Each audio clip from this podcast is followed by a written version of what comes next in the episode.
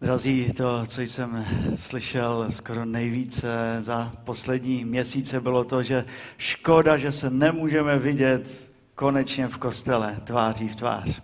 Ano, je to jiné, když se člověk eh, vidí přes obrazovku a je to jiné, když eh, se teď můžu podívat na vás a na vaše tváře. Je to daleko, daleko lepší. Přísloví říká, že eh, jeden ostří tvář druhého, tak jak se železo ostří železem. Ano, když se podíváme do tváře lidem, tak jsme i proměňováni. Můžeme prožívat něco více. Otázka je, co třeba lidé dnes četli od rána z našich tváří. Viděli tam to, tu, tu radost z maličkých věcí, o které nám mluvil eh, bratr Marek, eh, nebo tam eh, viděli nějakou rozzlobenost, únavu, křivdu, cokoliv jiného. Co vidí v našich tvářích? Na biblických hodinách se teď budou probírat témata setkání s Ježíšem a já chci s vámi v následujících nedělích se podívat na příběh člověka, který se s Ježíšem už skoro neviděl tváří v tvář. A chceme i z tohoto příběhu eh, vyčíst takové pravdy, které jsou důležité pro náš eh, život. Příběh Lazara. V příběhu Lazara je, je napětí, je tam zklamání, je tam naděje, je tam život, je tam obrovská změna. A nezměnil Ježíš jenom Lazara, ale změnil také lidi, kteří byli eh, kolem něho. Změnil učedníky, změnil Marii a Martu. Tak se chceme v následujících nedělích na ten příběh trochu více podívat. No a když vy nepřijdete, tak se možná kousek ochudíte. Tak vás srdečně zvu. A pojďme začít. Lazarovi začíná být opravdu zle a je nemocen a celé to směřuje k momentu, kdy všichni začínají tušit, že přichází konec. V této chvíli, kdy se stav začíná každým dnem rapidně zhoršovat, posílá Marie a Marta sestry Lazarovi pro koho? Pro Ježíše. Zdá se to jako ta nejlepší volba. Kdo pomáhal nej- nemocným nejvíce? Vždycky. Komu záleželo na tom, aby se uzdravila dcera setníka, syn chudé vdovy? Byl to Ježíš. Ale text nás dokáže i překvapit. Postaňme a vyslechněme Boží slovo, které chci dnes, nad kterým chci dnes s vámi přemýšlet. Jan 11. kapitola 6. verš. Když Ježíš uslyšel, že je Lazar nemocen, zůstal ještě dva dny na tom místě, kde byl. Pane Bože, děkujeme za ten příběh, který se před námi otevírá a prosíme tě o to, aby si požehnal jeho slyšení, ale především to, abychom byli sami proměněni, jak byl proměněn i Lazar. Amen. Kde byl Ježíš? Odpovědě nevíme, kde byl Ježíš. Nevíme a nemáme to vědět, eh, kde byl. Důležitá otázka není, kde byl, otázka je, co dělal. Umím si představit, jak Maria, Marta a Lazar se trápí nad tím, kde je Ježíš a proč ještě ten Ježíš nepřišel. Proč není u nich doma? Proč není Ježíš ve chvíli největší potřeby blízko nemocných? Když čtu tento příběh, pak mě to také trošku znepokojuje. Jako pastora. Když je někde naléhavá potřeba, je třeba vstát a jít. Když vám někdo zavolá telefonem, že je třeba jít, eh, že se třeba za někoho modlit, že je třeba někoho navštívit, je třeba jít a jednat. Neumím si představit, že bych eh, řekl, jo, počkejte na chvíli, tak dva, tři dny, já si to rozmyslím. Wow. Ale Ježíš zůstal. Ježíš zůstal a čekal na místě dva dny. Měl by nasadit pomyslný maják na své auto a vyjet, nečekat. Vždyť on věděl, že Lazar umírá. Ale on čekal, zůstal tam, kde byl. Myslím, že v hlavách Marie, Marty, nastává zmatek. Proč tady není? Proč se Ježíš neukáže v momentě, kdy ho nejvíce potřebujeme? A myslím, že stejný zmatek nastává i v našich hlavách. Marie a Marta obě věděli, že Ježíš byl často vytížený. Od rána do večera. A možná právě proto, když poslali k Ježíši, tak mu připomněli své vzájemné pouto, dobré vztahy. A připomněli mu, sestry mu vzkázali, pane, ten, kterého máš rád, je nemocen. Pane, máš ho rád? Jen kdybys náhodou zapomněl. Ty ho máš rád. A jestli ho máš opravdu rád, jestli ti na něm aspoň trochu záleží, tak přijď, nech další nemocné, potřebné a přijď k nám do Betanie.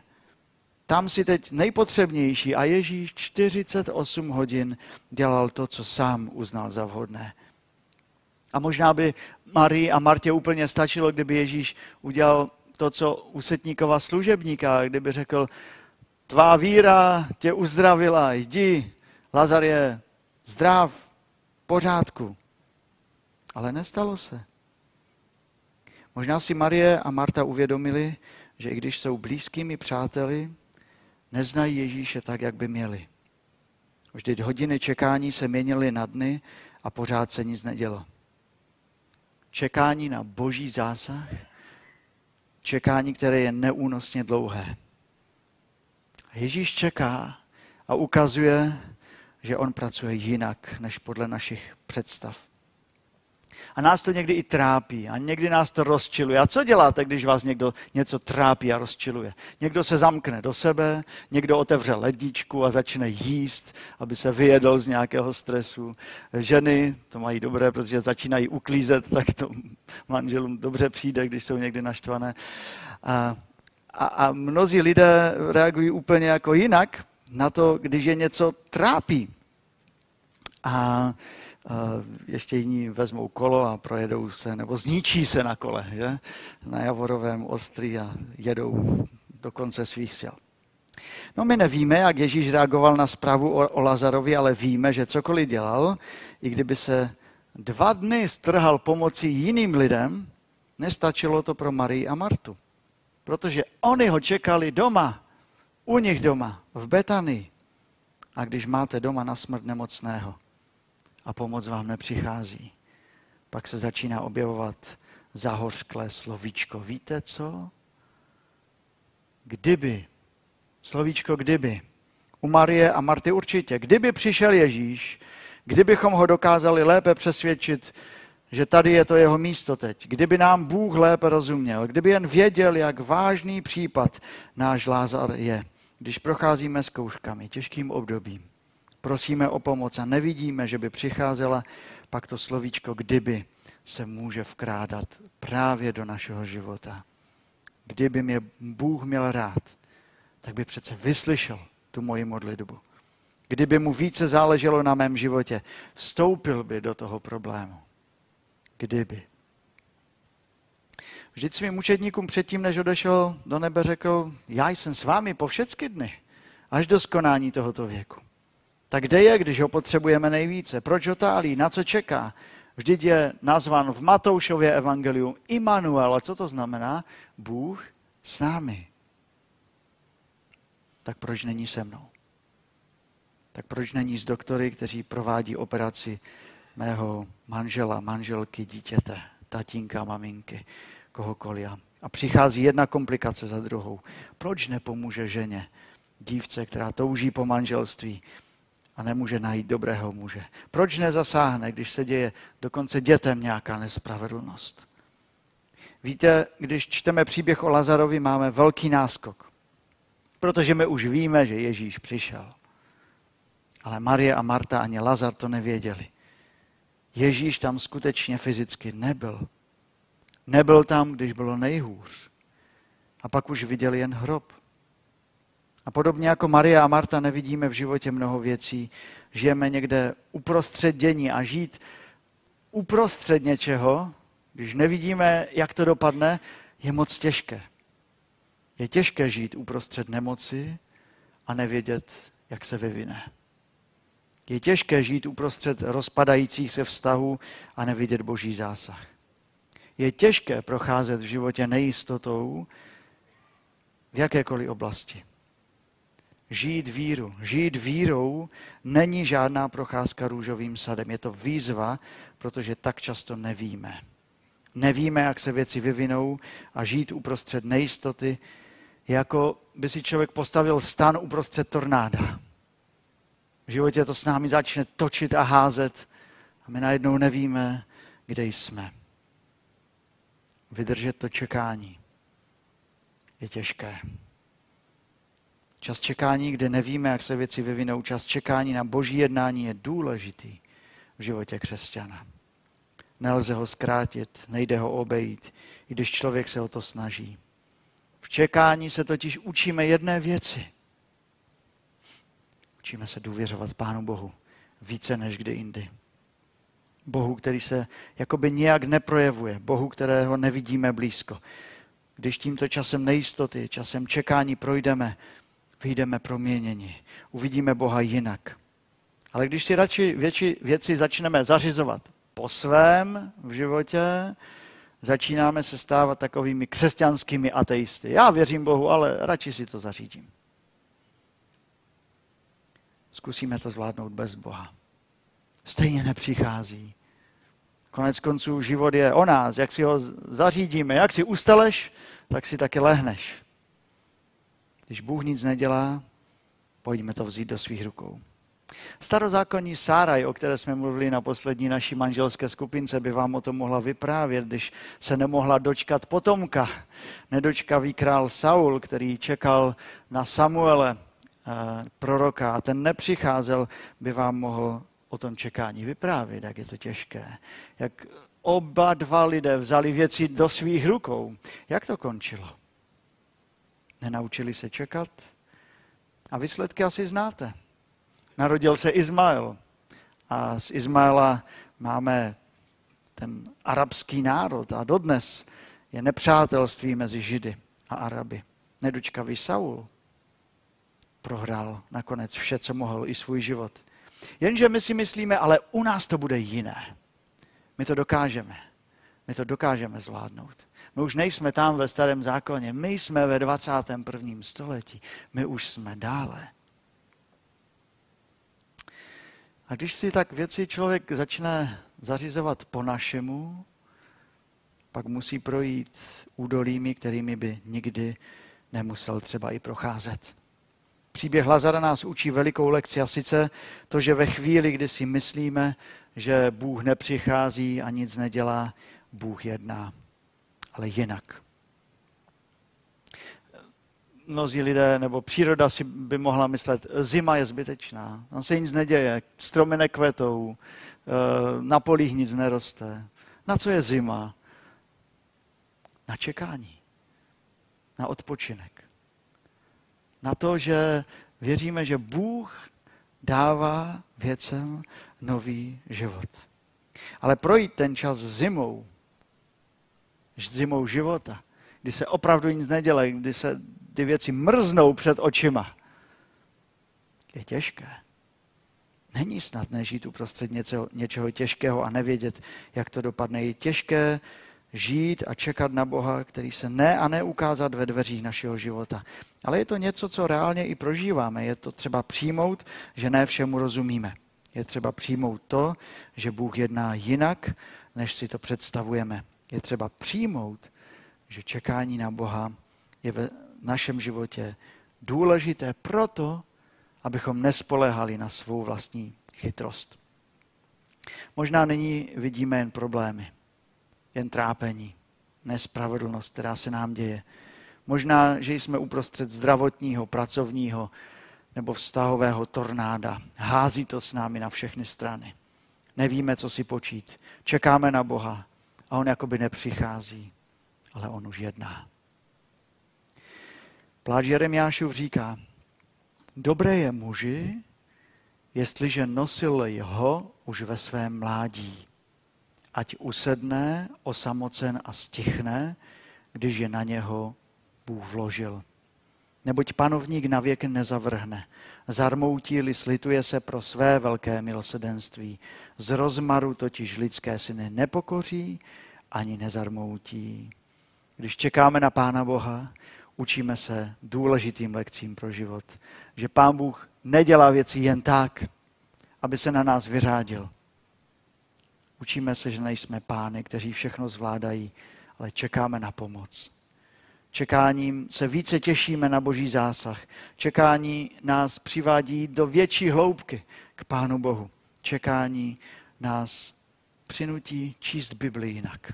Modlit se jinak. Být ve společenství jinak. Těšit se více. Být v čekárně u lékaře nic příjemného. Být v životní čekárně to už vůbec není příjemné. Zjišťujeme, že pokud nás může někdo změnit, nejsme to my sami, protože jsme tak snadno v koncích, ale jedině Bůh, jeho moc. V čekání si uvědomujeme, že pokud se má cokoliv stát, musí to udělat Bůh. A není jiná možnost. Jen se naučit čekat. Bůh totiž, víte, Bůh nedělá věci ve spěchu. Spěchali jste dnes ráno, nebo ten týden, který máme za sebou. Spěchali jste někdy, nebo jste takoví ti klidní, kteří mají ten svůj čas. Bůh nespěchá. Ježíš se narodil a pak o něm ne, neslyšíme kolik. 12 let. Až byl v takovém věku teenagerů. A to víme, že byl jenom 12 let a potom dalších e, let až do 30 let, no nevíme. Já jsem si říkal, tak proč nezačal to dílo v 18 nebo ve 20? Už byl dospělý, mohl udělat více zázraku, mohl nám ukázat lepší eh, to boží království. Měli bychom trošku tlustší Bibli možná, ale zase více těch důkazů o boží moci. Ne. Ježíš čekal tři desítky let. Až pak mu jeho otec řekl, jdi. My bychom řekli, ztrátil čas tolik času v dílně u svého, u Josefa Tesaře. Ztratil čas. Vždyť za ty roky se i situace v římské říši tolik zhoršila. Na co čekal? Čekal, až mu Bůh řekne, jdi, až se naplní boží čas. Říká se známe řečení, že my v Evropě máme hodinky, ale v Africe mají čas. A také Bible používá dva slova pro čas. To, to první je to tikání hodinek. No dneska už málo, málo komu tikají hodinky, ale to je ten čas, takové to dotěrné zvonění budíků eh, v půl páté ráno nebo v pět, že? To je takové ten autobus do školy, teď ne, v 7.03. A je to, to je takové to kázání, které je delší než 20 minut kdy to skončí. Sportovní výkony, to je ten čas, které se měří na setiny sekundy. To je bábovka, která je za 47 minut přesně dokonale hotová. Ani dříve, ani později. Mluvil jsem na více setkáních a víte, tak, takový dobrý vynález tam měli, že před nás dali monitor a na tom monitoru šel čas dolů, odpočítávání času. No a když už to byla na nule, tak to ze zelené barvy se dalo jakože na červenou a ukázalo, teď už si přes čas, už tam nemáš být, co si měl říct, už si měl říct a už jdi pryč. A my potřebujeme mít čas ve svých rukou. Potřebujeme skončit do hodiny a 15 minut bohoslužby, protože potom už to je dlouhé příliš a, a i ty pohodlné žihličky už tak buď usneme, nebo už se nemůžeme dočkat na konec. Ale tento čas není všechno. Bůh má svůj čas. Kairos. To je boží čas. Není ovlivněn minutami a hodinami, ale božím rozhodnutím. Čas, ve kterém přišel Kristus, aby dokonal své dílo spasení. Čas božího navštívení. Čas, který je třeba naučit se rozpoznávat, na který je třeba v životě čekat. A ve skutečnosti je dobré mít hodinky, abychom se e, zorganizovali nějak v tomto světě. Je požehnané vědět, že vše, co se v tomto světě děje, ale se děje podle božího času. Podle božího časování. Bůh ví nejlépe, co a jak kdy má udělat. Bůh věděl, kdy je čas poslat svého syna, aby v tomto světě zvěstoval boží království. Bůh nemrhá časem. Bůh ani neběhá od jednoho k druhému. Bůh činí ve svém čase. A my to i zpíváme, že? V čase svým, v čase svým. Činíš všechno doskonałym v čase svým. Panie, pragnem widzieć to, jak wciąż działa Twoja moc, jak wypełniasz słowo swe w czasie swym. Ten den, kdy byl Lazar pohřben, si Marta a Marie mysleli, no že co si mysleli, Ježíš to nestihnul. On to nestihnul.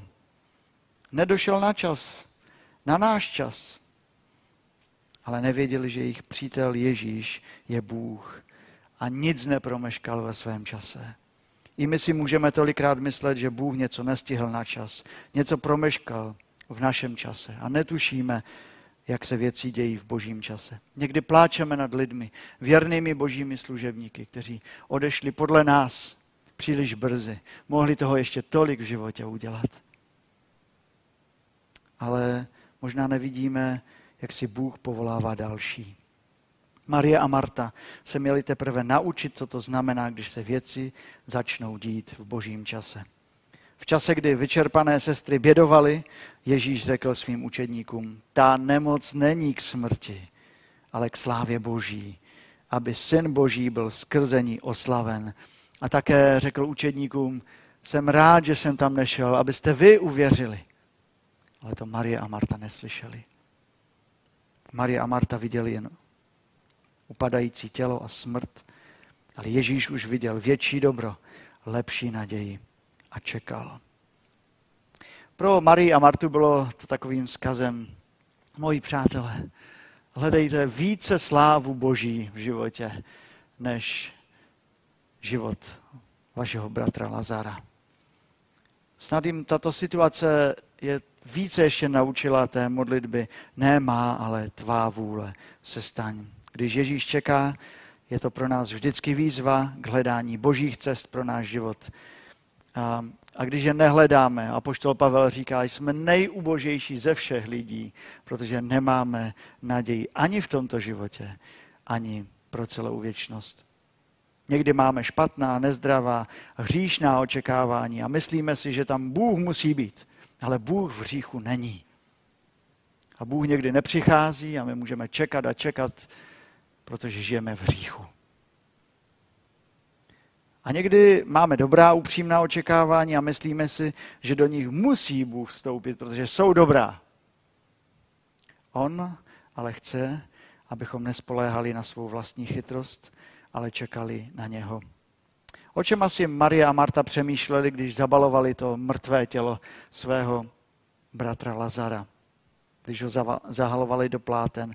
Pane, kdybys byl zde, nebyl by náš bratel umřel. Obě dvě měly špatná očekávání a sice oni si mysleli, kdyby tady Ježíš byl, nestalo by se nic zlého. Všechno by bylo v pořádku. Ale stalo se.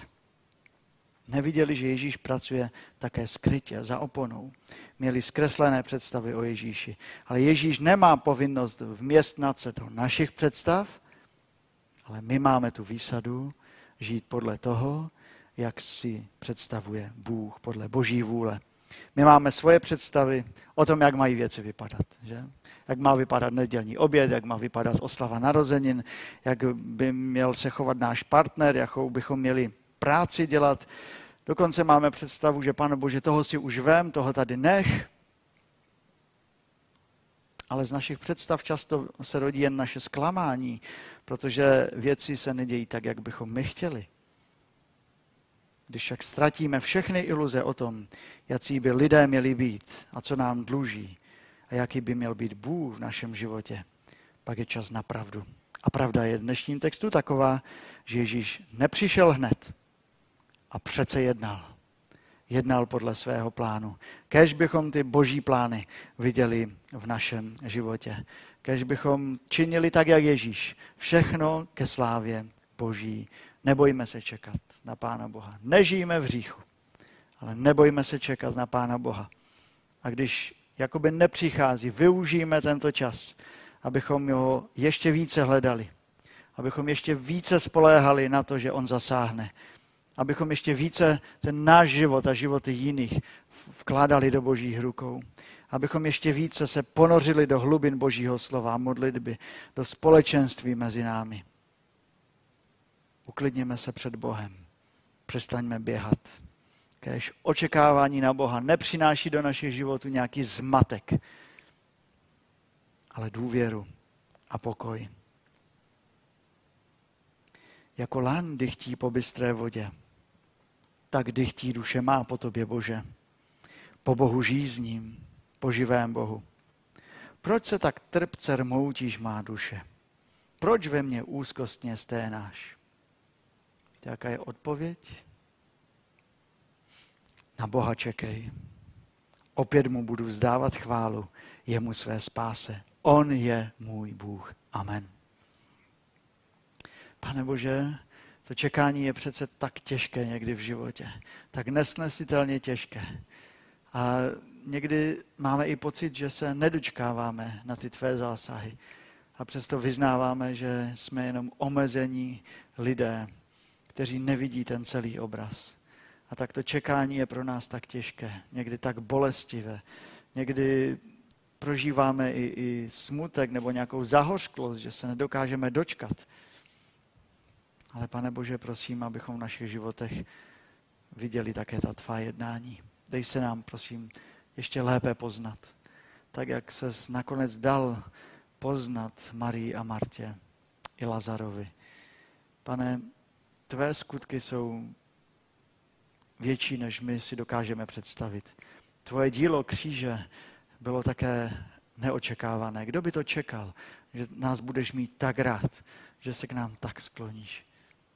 Pane, dej tak, abychom všechno poměřovali ne naším rozumem a naším časem a našimi vědomostmi, ale abychom si vyprosili tvoji boží moudrost a věci viděli také z tvé perspektivy.